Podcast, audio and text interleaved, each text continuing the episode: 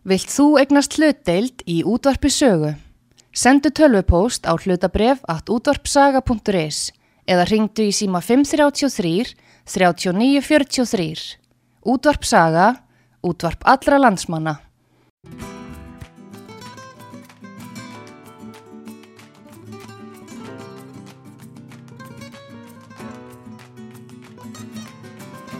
Þú ert að hlusta á unga fólkið með máguna sinni.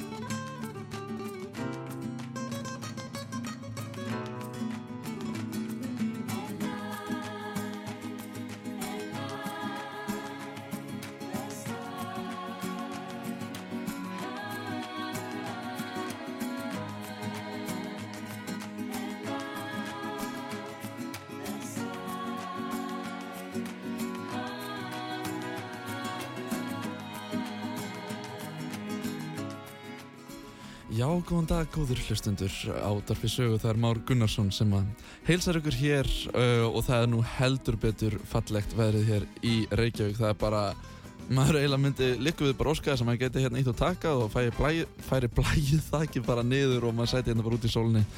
Alveg ótrúlegt að það skulle vera svona lít í lok um, ágústmánar, oft veist manni eins og svona að veð, veðrið færið aldrei að dala eftir, eftir Vestlunumanna helgi en uh, við fengum frábæra menningarnótt um, og uh, já það er nú bara vonandi að þetta haldist fram með ljósanótt, segir nú bara ljósanótt sem að verður í Reykjanesbæ uh, eftir um, já rúma viku, fyrstu vikuna í uh, september. Og það er að sjálfsögja alltaf hellingur í gangi á ljósanótt og við kveitum fólk til þess að hérna, kynna sér þetta að skrá, þetta fara nú Reykjanesbæ og, og, og skoða það sem er í gangi, það eru listasýningar, það eru tónleikar og, og alls konar. Um, En uh, þátturinn í dag hjá okkur er uh, svolítið spennandi, hann er með smá öðru sér sniði. Uh, við ætlum að tala um svona liðna atbyrði sumarsins. Við ætlum að fá að heyra í honum Gulla og hann er framkvæmtastjóra framkvæmtastjóra hins einn daga og við ætlum að fá að tala við hann um svona hátíðan í ár hvernig til tókst.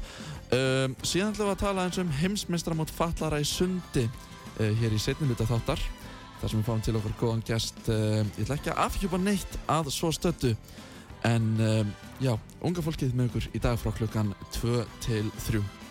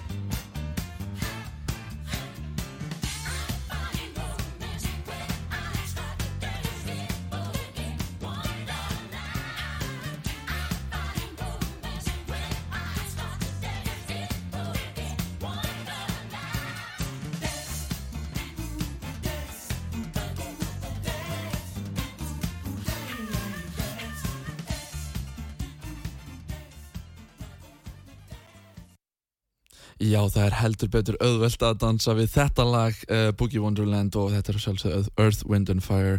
Um, algjör klassik um, en ef mér skilst rétt þá um, er viðmælandi komin hér á uh, línuna. Gulli, heyrður í mér? Jú, ég heyri þér. Blessaður, bara takk aðeinslega fyrir að, hérna, að taka símtal svona á fymtudags uh, eftir miðdegi.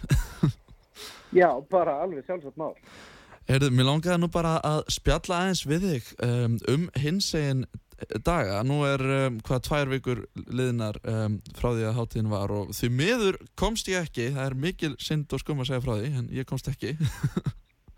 Nei, nei, svona er þetta stundum, það er ekki, það er ekki hægt að vera allstaðar.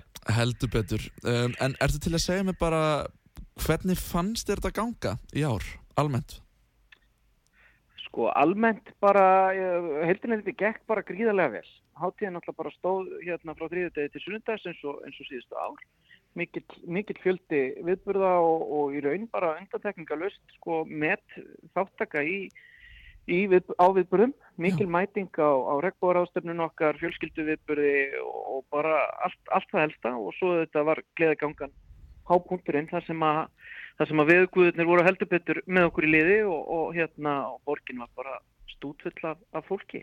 Já, stórkvæmslegt. Hvað heldur að margir hafi, svona, þú talar um með uh, fjöldið þáttakenda, uh, hvernig reiknið það? Sko, það er nefnilega, þetta er, þetta er svolítið erfitt, þetta er, þetta er fyrst og fremst einhver svona tilfinning og, og fólk sem að ræðir saman og, og reynir að, að svona meta í bara hversu, hversu þétt bara fólki, það er sem sagt, eh, það var aldrei verið fleiri, hérna, þetta var svona hámas uh, metskráning af sko skipulöðum atriðum í gungunni, voru, hérna, eh, en svo er þetta, þetta bara allir þessi mannfylgdi sem að, sem að sapnast saman. Ta talningamaður ríkisins hefur, hefur látað störfum, þannig að það er ekki lengur talið svona reynda áækla fjölda á, á svona viðbörðum eins og var nú gert. En, en við höfum stundu talað um að þetta hafi verið kannski svona 80 til, til 100.000 þegar að vel er, er sótt og ég held að þetta hafi verið alveg, alveg í, í efstu mörgum þess sko. Ég hef ekki séð svona þjætti á hérna bara einhvern veginn í öllum gödum og öllum beigjum með borgarinnar. Var bara þvílitt mannhaf sem er þetta bara frábært. Sem er alltaf magnað.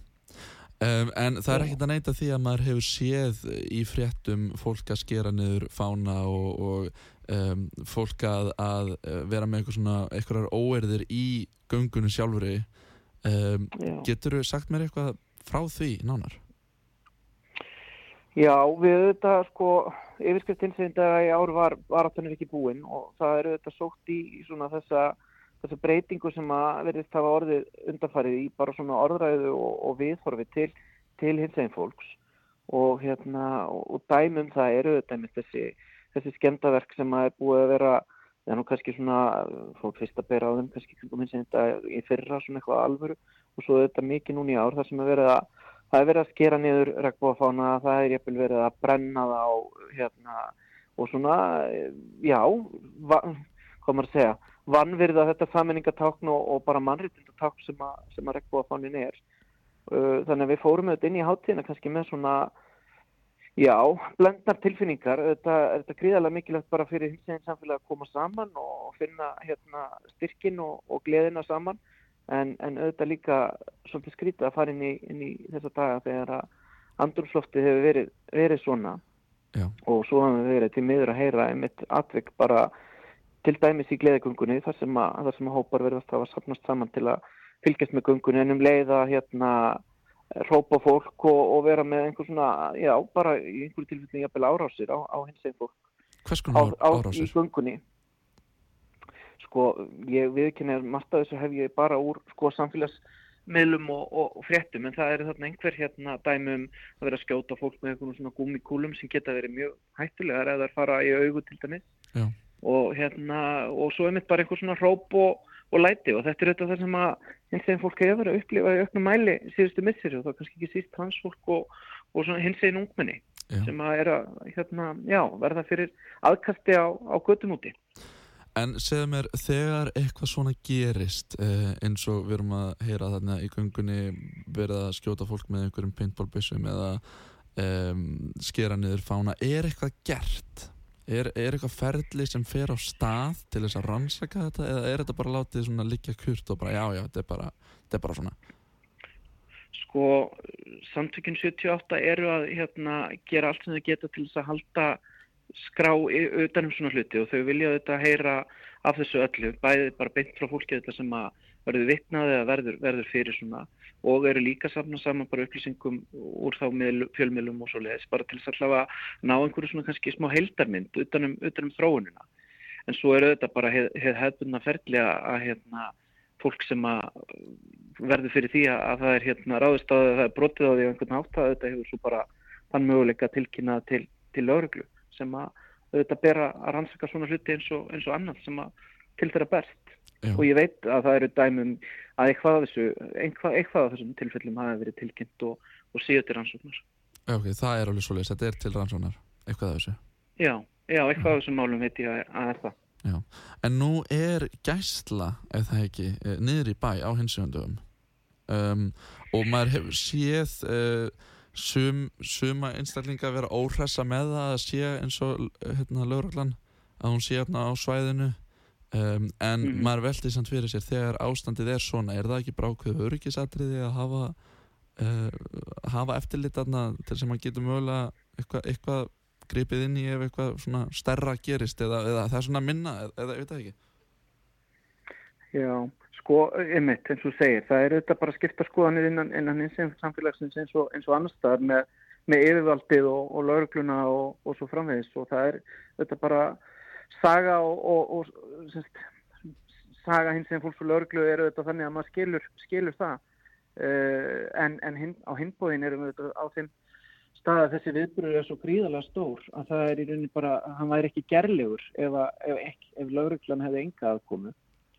og hérna, og, og einmitt þegar svona gríðalegu mannfyldi er og, og kannski ekki sístara ástandi, já er svona að mm. þá auðvitað þarf að tryggja öryggi bæði þáttakanda í gungunni og, og hérna, og annara og það er hlutur lauruglu samkvæmt bara lögum, já. þannig að þess vegna er hún þannig að til dæmis fer svona fer til, svolítið á undangöngunni til þess að tryggja bara greiða axtusleið og passa það sé ekki að koma einhver á móti því að það er náttúrulega líka bara hægt af þessum hérna, trukkum og pallbílum sem er verið að keira og, og svo. Ja. Og svo eru þetta hvert og eitt aðtriði líka, þess að þau sem eru á, á hérna, bílum þurfa að vera með fólk meðfram sem eru þá í rauninni bara sjálfbúðulegar en er að tryggja, tryggja öryggi hérna að fólk kom ekki á nála dekkjónum og, og svo framvegis. En svo er þetta bara þannig að það er svona mikill mannfjöldi er að, að þá er ekki veist, ég gekk sjálfur þessa gungu og, og var til dæmis ekki var við hérna, uh, þessa hópa sem, a, sem að voru svo þarna sannarlega á einhverjum tímapunktum. Mm. og svo gera slutin bara svo hratt að hérna, já, það er sennilega ekki hægt að hafa stjórn á öllu því meður Talandum það sem það hafa stjórn öllu sko, þegar uh, það er einhvers konar viðbörður uh, sko 80 til 100.000 manns er ekki alltaf hægt að gera ráð fyrir sko einhverjum uh, skemdaverkum eða ófremdarverkum hvort sem sé kannski um að ræða hins einn dag eða aðrar, aðrar útiháttiðir Jú, jú, ég held að sko, jú, við þekkjum það bara þar sem að hérna, margt fólk kemur saman. Þar, hérna, þar getur alltaf eitthvað gert, hvort sem að það er bara óhapp eða, eða svo þetta hérna, einhver viljandi hérna verk. Uh, þannig að þú veist, jú, jú, við segjum það bara minna, það voru, það voru alls konar upp á komur skilsmanni á menninganótt og, og bara alltaf það sem, að, það sem að fólk kemur saman. Þa, það fylgir þess að við höfum auðvitað í gegnum tíðin að vera bara mjög hérna, hvað maður að segja, heppin og þetta greiðlega þakklátt með það að hérna, gleðigangan og útiháttíðan eftir verandi þessi gríðarlega stóri viðbyrður hefur bara nánast undantekningalust farið gríðarlega vel fram og hérna og okkar samstarfæðilar og borgin og aðrin hafa verið gríðarlega ána með bara hvað fólk hefur hérna já verið tillitsamt, komið saman skemmt sér fallega og, og hérna og, og skilir borgina eftir í, í góða ástandi. Já, algjörlega. Þannig að við, eins og segir, við erum bara mjög þakklátt fyrir það og vonum að, að það verði, verði áfram svo alveg 100% en hvað hérna er eiginlega gleðigangan og, og hins einn dagur? Og þetta var náttúrulega geiprætt á sínum tíma. Uh, hvað hefur þetta verið lengi gert? Sko fyrstu já, við getum í rauninni sko, rækja okkur til 93 og 4 þá 1993 og 4 þá eru fyrst gengnar sko, það voru kallaður frelsisgöngur homo og, og lesbija uh, þá voru samtingin 78 á, á hérna e, með skrifstof hérna, á á Lindakutinni í meðburginni og hérna þaðan gekk hópur fólks með, með kröfuspjöld og og á þeim tíma var þetta baráttan bara á þeim stað að það var einhvern veginn að vera berjast fyrir sko öryggi fólks bara hérna að þú getur ofinbarlega hérna samkynniður og, og samt fengið að leia húsnæði og, og halda vinnunniðinni og, svo framvegs. Það voru gengna þarna tvær krögugöngur uh, 93 og 4. Svo 99 til þess að hérna uh, minnast Stonewall uppreysnefnar sem var, var hérna 69 sem er oft talað um svona kannski sem upphafið að prætt hérna reyfingunni þar sem eins og fólk finnur samtækamáttinn og fyrir að berjast. E, þá voru haldin útiháttíð á hérna Ingolstorki sem að hefnast e, svo vel að það er í rauninu svona talið upphafið að, að hinseindu og 2000 er svo fyrsta gangan gengin. Þannig að við miðum við þarna, já, 99 og 2000 sem svona upphafsár e, hinseinda og hérna sem að einmitt eins og segir voru þetta fyrstu árin bara eins og þessar háttíðni við aðlendis Eh, kalla gay prætt og en höfum í dag hérna notum hann okkur Reykjavík prætt eða, eða hins einn dagarnafnið sem okkur þykir auðvitað væntum þetta, þetta íslenska nafn. Já. Og, og uh, megin ástæðan fyrir því er væntanlega bara að, að náttúrulega fagnar svo sem bara öllum fjölbreytileikanum sem að uh, til er þarna undir og öllum minnir hlutahópunum sem að eru þarna í þessu.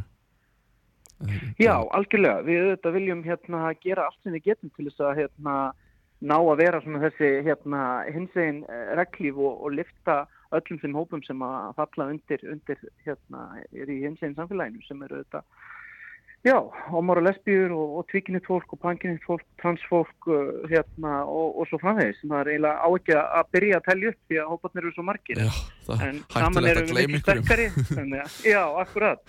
Þannig að, hérna, þetta minnum alltaf þegar maður er á tónleikum og maður er að reyna hérna, að lesa upp sko, eða að reyna að muna hljómsveitina. Það er alltaf, ég fyrir alltaf í eitthvað tóma steipum með það sko einmitt. Svona, ef maður getur komist hjá upptalningu þá er þetta, þetta langt best svona til öryggis. Já,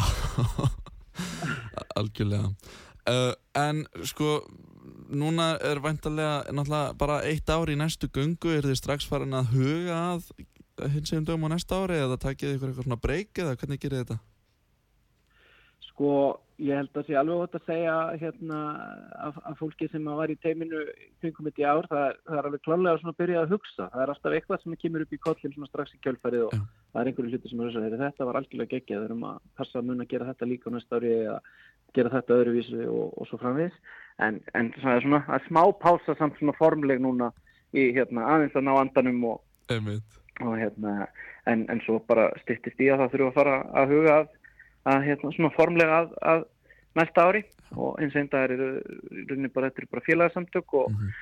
uh, stjórnin er sagt, þetta er náttúrulega nánast engungu sjálfbúðarlegar sem komaði að undirbúa og, og framkvæma háttíðina þannig að stjórn næsta árs verður kosin á aðalfundi núna í setna þessu ári og, og þegar, þegar það formlega umbúð likur fyrir þá er þetta að fara, fara hjólinn svo, svona formlega að snúast Er það ekki rétt sem er að hinsegin dagar er í rauninni bara einn svona stæðsta svona hinsegin hátíð í heimi? Er það ekki bara eða, eða er ekki bara með rántmáli mér skilst að séu sko rosalega vinsælt að það séu hins einn einstaklingar bara hvaðan af úr heiminu sem að koma til Reykjavíkur bara fyrir þetta uh, sérstaklega tilefnits að upplefa þetta. Jú, við höfum auðvitað verið mjög stolt af því að hérna sko, ég manni ekki hvaða erlendi fréttamiðl það var sem að gaf okkur það nafn einhvern tíman en, en fjallaðum okkur sem sko the biggest small pride in the world Já, okay. svona stærsta hérna, stærsta litla prætáttíðin í heimi okay. af því að við erum auðvitað sko, við erum auðvitað lítil bara í ljósi þess að hérna, landið okkar lítil og lítið og og höfuborgin er, er, er þannig sér fámenn á hérna, heimsmæli hverða en, en, en hlutfall þáttakönda og svona fólk sem mætir og til þess að taka þátt og sína samstöðu og vera til staðar hefur mjög lengi verið gríðarlega hátt.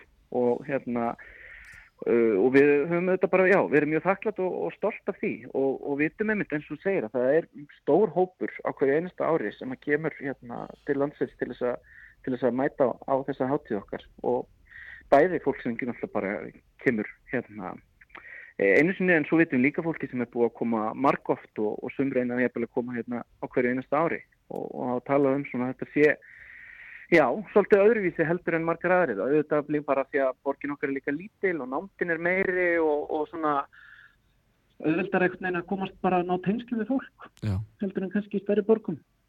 Hvernig er það? Ég var eitthvað að hugsa um daginn væri hægt að einhvern veginn hérna, auglýsa þetta eða einhvern veginn svona koma sér meira á framfæri mögulega eitthvað erlendis bara til þess að fá einmitt bara svona vekja ennþá meira aðtekli á þessu hérna á Íslandi hvað við erum að gera og kannski sérstaklega ef við horfum á lönd um, Póland sem er mjög svona tvískipt sko varandi hins eginn mm -hmm. uh, samfélagi sko það er annarkort, já, pólitíkin það er mjög, mjög tvískipt varandi það en síðan náttúrulega önnur lönd bara eins og sko uh, náttúrulega bara Katar og Dubai og, og, og maður veit ekki hvað og hvað sem að náttúrulega eru með allt niður sig varandi almenn mannrettindi væri einhvern veginn hægt að komast inn í undirheimuna þar og svona bara hei, það er alltaf að gerast á hinsundum á Íslandi. Komið og kíkið og bara svona hei Þetta er sko, já, ég menna alveg örglega og við vitum að sko það koma hérna hverju ári í kringum hinsenda margir hérna svona fjölmjöla hópar þar sem að hérna bladamenn og aðri frá erlendu fjölmjölum er að koma til þess að, til þess að fjalla svo um, um hátíðana á erlendu vettfangi eh, og svo er, svo er það náttúrulega alltaf eitthvað svona vandrataðu stígur því að auðvitað viljum við sko vera hérna fyrirmynd og við hefum gert margt mjög vel á Íslandi og, og viljum svo gertnan að önnulönd taki sér það til fyrirmyndar og, og hérna já, gerir geri betur. En, en svo viljum við líka náttúrulega forðast að vera að reyna að gefa af okkur einhverja, einhverja glansmynd og reyna að halda því fram að við séum einhver hérna, eins og einn paradís. Því að, því að við, erum, við erum það auðvitað ekki heldur sko. Nei Vissulega mun betra heldur en já, já, vissulega mun betra kannski en mörgunulönd en, en já, það er verk að finna Við viljum, já, akkurat. Við, við, ég að, og við heldum að við séum sko flest saman um það við gerum, eh, stöndum okkur mun betur en, en mjög mörgunulönd en, en það er, það er samt eh, ekki, engin ástæð til þess að hérna, til þess að hætta. Já, baráttunni. Uh, Heyrðu, bara takk æðislega fyrir að, að spjalla eins við okkur uh, hérna í dag. Við kunum virkilega með þetta að heyra eins í þér og bara heyra eins einmitt bara hvernig þetta gekk og bara frábært að heyra að svona almennt gekk þetta vel. Uh, en uh, að sjálfsögur lekkar okkur líka bara til næsta árs og vonandi verður þetta bara enn stærra, flotta, flottara og betra á næsta ári. Algjörlega, bara, það er bara áfram veginn og, og höldum bara áttin í gangandi 100% bara takk mm. fyrir að gefa þið tíma til þess að spjalla við okkur og gangi ykkur óbúslega vel. Ekki málið, takk kærlega. Takk Já, uh, þetta var hann uh, Gulli, ég, ég þarf að komast að eitthvað hann heitir fulli nafni, ég kalla hann alltaf Gulla. Æja, Gulli, frákvæmdastjóri hins einn daga sem að rætti við okkur hérna um hins einn hátíðina í ár og, og margt áhvert sem hann, hann kom hér á framfæri. Uh, En ég heiti Már, þú ert að lusta út á sögu og við ætlum að fá eitt hérna I Will Survive áður en að við förum í stutt auðvisingarlið og höldum síðan áfram eftir öskamastund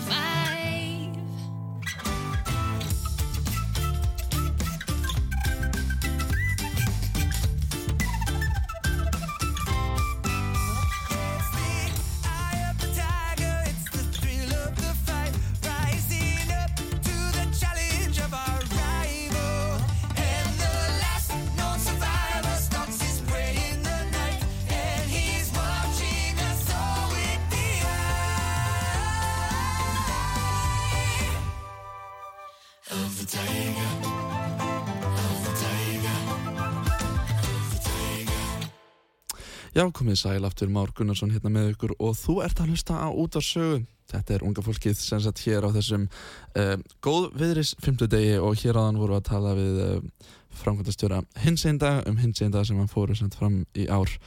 Um, og uh, já, við ætlum að fara líta aðeins aftur í tíman líka sem sagt helgina á undan hins einn dögum eða vikuna þar undan fór fram sem sagt heimsmeistaramót fatlara í sundi og það fór fram í Manchester City, uh, borg. Og uh, þar var ég að keppa og um, þetta var svo sem mín fyrsta stóra keppni frá olimpíuleikum 2001 og alveg reykjulega spennandi.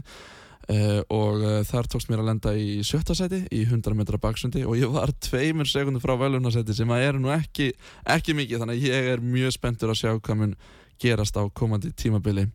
Uh, og ég er sem þetta að stefna þá á olimpíuleikana í París á næsta ári og uh, já. En uh, hingað í hljóðver út af sögu er komin til mín uh, einn besti blindi baksunnsmaður í heimi. Hann er frá Hollandi og það er svona afskaplega skemmtilegt að fá hann í heimsókn til okkar. Ég mun þurfa að taka viðtali við hann á ennsku en ég mun vera mjög duglegur að þýða það sem að hann segir fyrir þau ykkar sem að eru já, eigið í eruleikum með að skilja, skilja ennskuna en ég ætla að fá að bjóða hann uh, velkomin Roger, welcome Hi there. How are you doing on this beautiful Thursday afternoon? I'm feeling great, Great. and I'm happy that the, the weather is, is great as well. Did you expect it? Well, I'm glad it is because in the Netherlands it's quite hot. So then the difference here in Iceland is it's making it better. Já hann er ótrúlega ánægð með að hittast í skuli vera svona gott um, vegna þess já í er alveg frekar mun heitara en, en það sem er í dag um, Roger uh, I was wondering can you just tell me a little bit about yourself um, just yourself as a person like where do you come from um, how old are you just like you know just tell me something Okay, about you Sure. Um, well, my name is uh, Rogier Dorsman. I'm, as you said, from the Netherlands. I'm 24, and I'm born in a little village uh, just a bit south of Rotterdam. Um, and yeah, I'm Paralympic swimmer. nice uh, you are blind now Roger um, Yep. but you were not born blind No, I was born like with full sight, so I went to school like every other kid. Uh, and when I was 12, 13, um, I became almost blind from one day on the other when I woke up. Sagt, um, Roger hann er fættur með vennilega sjón uh, og uh, þegar þegar hann var 12 ára þá sagt uh, gerist eitthvað skyndilega og hann misti sjónur rauninni bara á was it just two days? Like from, was it two days the processing or what? Uh, no, it was like I went to bed Yeah, uh, and I saw everything, and then I woke up and I couldn't see anything. Það er ótrúlegt hann sem sagt fór að sofa og vaknaði bara daginn eftir. This is actually insane. I thought usually it would take a little bit like more time. Well, it was um, like I woke up and I couldn't see anything. Yeah, Then I went back to sleep because it was in the middle of the night. okay. Um, and when I woke up in the morning, uh, everything I saw was blurry. Yeah, And then in three months' time, it went from like seeing everything to can't read any letter in a book. Do you remember your first reaction? Yeah, I was like, okay, do I need to turn on the light? Is the elec- electricity not working? Um, and then I went to my mom, uh, kind of stressed, and she told me, well, let's go back to sleep and see what's like when you wake up again. Mm-hmm. And after that, I need to do a lot of research in the hospital. Uh, so, yeah. Uh, but is this something that runs in the family, or was it uh, a total surprise? It is something that runs in the family, but Mhm. normally, uh, like the uncle of my mom, she uh, he also has the same disease. Um, but normally, you would like your your sight reduces at the age of fifty, probably sixty. Mm. Uh, and I was only thirteen, so Mhm. yeah, that's kind of kind of difference. Þannig að þetta er sagt, sjúkdómur sem að, uh, er ættgengur uh, en uh, vanlega fer hann ekki að, að koma fram nema hjá fjölskyldumælumum sem að eru kannski komnir yfir 50 But when you told your mother ab- uh, about this, well, or what was going on, um, did you guys suspect immediately what it was? No, not at all. No. no. because we were told that um yeah you used to see the the side re- decrease at the age of 50 so we were not expecting anything at that age No. Uh, but the first months after this happens, um, it, it's a big and quick uh, change. Uh, yeah definitely How was that um, like handled, just from like your family's perspective, as well as probably school, uh, your swim club, um, you know, government, or like how how what kind of support did you get? okay so um like you said a lot of things uh changed and changed rapidly. Um i was swimming since i was six so uh also at that point i was still swimming but i swam into the wall had like a headache uh, a hole in my head so the blood came through uh had confusion so that wasn't the option anymore so we searched for like uh, solutions how i still could swim. Uh, and luckily we found one so that one was tackled. And then yeah i couldn't go to the um, to the school i used to go to because they said well if you can't read a letter in a book um, there's probably nothing we can do for you. Uh, so that's why i need to change and go to the school for blind kids Uh-huh. So there was uh, just a specific school just for blind people. yeah there was a school uh, luckily for me it was like a 50 minute drive from home One five or five zero? uh, one five Wow. um, and yeah, it was amazing there because I was one of one of all of them. So we were all the same. They had everything they need, like computers with uh, the right software to um, yeah let the the books read to you. Uh, they teach me uh, to read braille. Um, so they had like everything I I yeah everything I needed. How many of you were in the class?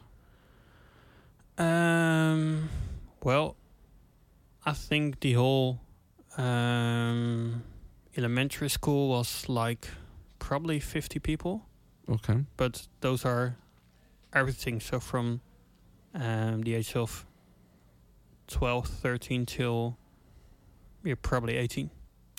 Hann er að segja okkur frá því að uh, þegar hann missir sjónina þá fer hann í rauninni í sérstakann skóla fyrir blind börn um, og um, þau hafa eflust verið um svona 50 krakkarnir í skólanum frá aldrinum svona 12 til uh, 18 og þar fenguðu allt sem þau þurftu að halda til þess að læra tölfur með skjólistrabúniðum og blindraleitur og allt svo leiðis Uh, did they only teach you um, basic like normal school stuff in the school or did they do something else to help you adjusting to this new reality Well, first of all, the most important one was uh, to teach me the kind of things you need to, to learn in school.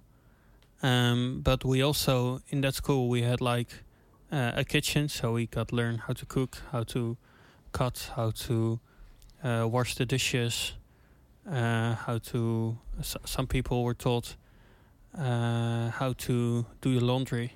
Wow, that's Um, amazing. I mean, I, I can't. I can't. I can barely like make myself like an omelette. It's like very Well, right now I can. So, um, and we also did have like a room where we were working with wood. So we would uh, saw, we would make like helicopters of it, or trains, or um, yeah, some cool stuff.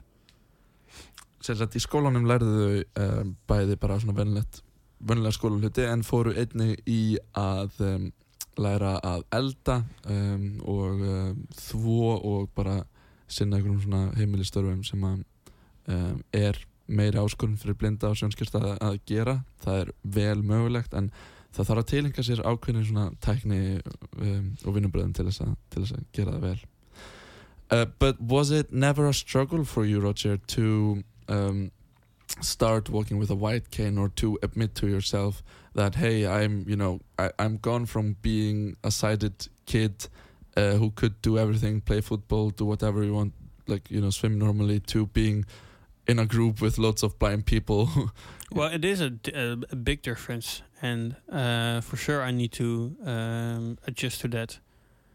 Um, but well, I think my parents and I really quickly made the choice of you can put me in, in a corner with a, a glass box on top of me, so um, I couldn't get hurt, or I like if I want something to drink, I would ask my parents and they would, they would get it for me. Mhm. Uh, but we chose to not do that and let me experience the whole world by myself. So uh, I would walk into the couch like 15 times uh, unless I knew the couch was there or fell over um, uh, a bench in the park or um, stuff like that. But because, first of all, I wouldn't walk with like the blind stick um, because I was like, well, I'm not blind. I just can't see that much, but um, I'm do- I don't feel like handicapped in one way or another. Um, but in the end, I had to use it, and it was such a relief to use it because it uh, cost me a lot of energy to, well, to control where I was and what's happening in my surrounding and whether uh, I could see where I, where I was walking or uh, where I wasn't. yeah So uh, using that stick was like was the the biggest solution probably of all all the uh, all the solutions we had. Já, hann er að segja okkur frá því sagt að, að það, það tók hann svolítið langan tíma að, að sætta sig við það að nota kvítastafinn vegna þess að hann var með á svona smá skímu og hann sagði frekar ég er ekkert blindur, ég sé bara lítið. Og hún vildi ekki um, einmitt vera með eitthvað prik út í loftið. En, en, en síðan þegar hann vandist á að nota stafinn fann hann hversu gríðarlega mikið það breytir runni, runni fyrir hann uh, og hann nefnið það líka að það að sleppa því að nota staf, stafinn og einbytta sér að því að reyna að komast örgulega mellir staða með þessa litlu skímu sem hann var með kostaði hann bara svo gríðarlega uh, orku og, og einbyttingu þannig að það var ekki að borga sig um, Well, Roger tell me one thing Are you excited? Right now? Yeah, because we have a song here called I'm So Excited Oh yeah, for sure I'm excited. Yeah, So let's have a little bit of a listen and then we uh, let's talk about Paralympic sport great.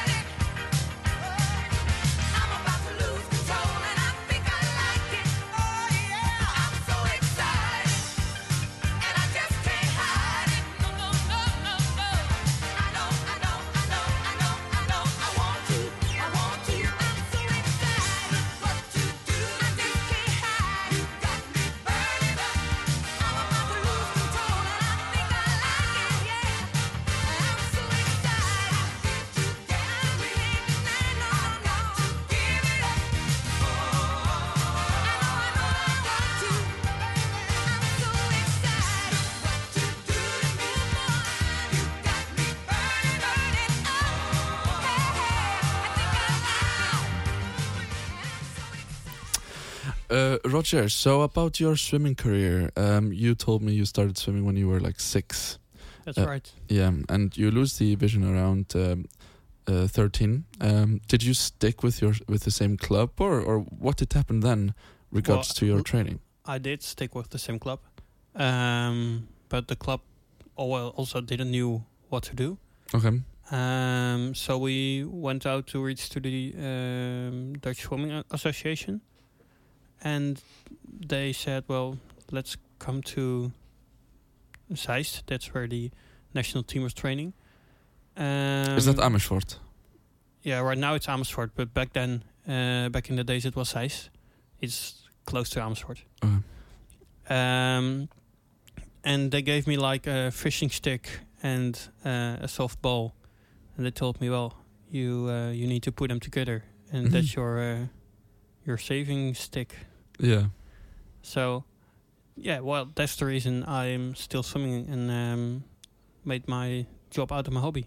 Mm um, sem sagt um, að hann var uh, áfram hjá liðinu sinu í eitthvað tíma en um, þau sem höfðu samband við uh, hollenska sund sambandið sem að benti þeim á þá hollenska uh, Paralympic sambandið uh, og letið á einmitt letið þau hafa uh, veiðistöng og mjúkan bolta til að setja boltan og segðan að þetta væri töfra sprótin hans og sá bolti er notaður til þess að þá pikka í höfuð honum þegar nálgast vekkin þá í keppnum til þess að passa að hann syndi ekki á og þetta þekki ég sjálfur þar sem ég nota nákvæmlega sama, sama búnað But how is the daily life of a um, elite swimmer, Roger? Well, um, I do like it. Uh, otherwise, I wouldn't be participating at this level of uh, sport. Yeah. Um, but well, yeah. Some say it's easy. Some say it's like hell. Um, but well, I like it. I Mhm. do like uh, sports 30, 35 hours a week. Oh, that's pretty much. Um, Yeah, swim 10 times. Um, and yeah, next to the swimming, we also have three uh, gym sessions. Um, so yeah, that's probably what my week looks like. Yeah. It's nothing special. It's just like two hours of swimming straight and back, uh, turning around, and then when you're back, you also need to turn around and do it again Do you, do you never think of like, oh my god, one more lap? more often. Yeah, yeah, you do? sure. but uh, in the end, you always uh, try to see the bigger picture and to know what you're doing it for. Um, and that's for the medals. Yes. Hann sem að segir okkur hér að uh, hann syndir eða æfir 35 klukkutíma á viku sem er mjög mikið um, og þetta er svolítið sett upp þannig að hann er með tver æfingu, fer heim og kvila sig fer æfingu, fer heim og kvila sig og þetta er rauninu bara rútína sem að endur tekur sig dag eftir dag eftir dag um, But now you train then mostly with the uh, N- Netherland uh, national team Yeah, we do. Um, we do have different sports clubs, uh, and well, I'm still part of the sport club I joined when I was six. Um, but right now I don't swim there so often. I totally sw- train all week long with the um, yeah national Paralympic team in Amersfoort. Yeah. How is it to train with a team where are well, obviously, national Paralympic team. I assume uh, there are many, many people on different levels uh, due to their uh, disabilities. Yeah, sure. You do. Uh, we we do have uh, people in a wheelchair or people missing like the the underarm uh, or some fingers. Um, but I think it's great because all the people swimming together for that one goal. Um, so well, we all know what to do and what to probably uh, do not. Um, so I think the environment is it's pretty pretty great to train there, um, and it's helping you to make the next step uh, easier because when you do have um, sometimes you do have a day where it's not uh, going all by themselves, you need to work hard for it. Um, then you do have your teammates who cheer you up and be there for you, or um, to ask like the one percent extra than you would like to to give. hmm Um, yeah, I mean that's just amazing, and and it's fun, fantastic that you have this environment um, to go for, and isn't it right understood for me that um, the people that uh, training in the uh, Paralympic team in Netherlands, um, the best ones or Mhm. people who are swimming into finals or, or getting in getting medals, they do get salary for training and competing. Yeah, we do. Well, not. Uh, we do get like if you are in the uh, best six of the world, Mm. you do have some kind of a status, uh, Okay. A status, uh, which means you get paid um, not much, but enough to pay like uh, the rent or your groceries or something like that. That's amazing. It's great because then, um, well, we don't have to um, to care about how we we can earn money for for the training part. Hans er að, segja okkur að um, já, fólk sem að næra ranka uh, sex í, eða sem að ef þú ert sem að uh, sjötti besti heiminum eða, eða, eða betri þá færðu svo kallan A-status sjálflandsliðinu og þá ertu á launum við það að æfa bara til þess að gera þér kleift að uh, einmitt sinna íþróttinniðinu og vera ekki með auka vinnu eða eitthvað svoleiðis. Og þetta er magnað gott fólk.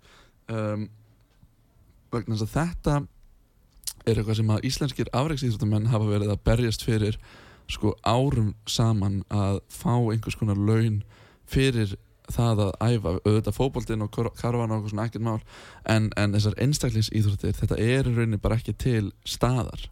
Um, allir þurfa að í rauninni bjarga sér þá að hafa samband við fyrirtæki til þess að reyða á fjárhags aðstóð eða, eða, um, eða einhvers konar framflutning á þá vörum eða, eða eitthvað sem er alltaf bara allt í góðu. En, en, en það er magnað að, að skuli vera löndan úti sem að vilja bara hafa afriksýrtu fólk á launum og hvetja fólk einmitt til þess að, að vera áfram í þessu vegna sem við erum að sjá allt og marga íþróttamenn góða íþróttamenn er rauninni bara hætta kannski, já, annarkvort já, rétt ánað fyrir háskóla eða eftir háskólanam þegar er rauninni vinna, vinna tekur við You spoke about medals uh, before, Roger. Um, I guess you've done well. I guess I know you've done very well medal were there. wise. I, I, I was there most of the time.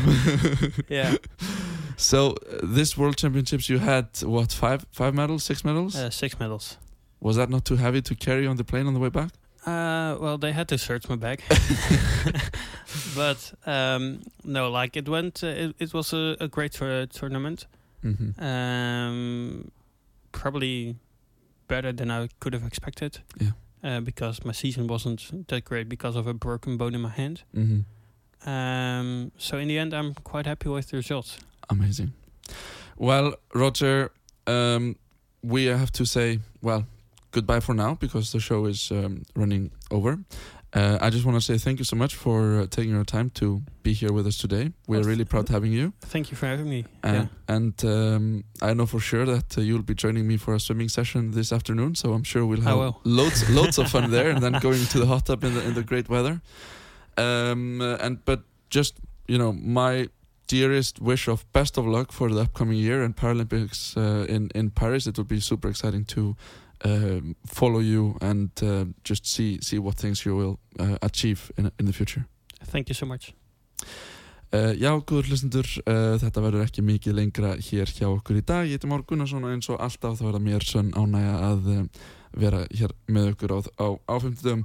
Um, en já, unga fólkið þakkar fyrir sig í byli, við ætlum að enda hér uh, á einu góðu lagi. Ég hlaka til að vera með okkur að uh, viku liðinni. Uh, takk og bless.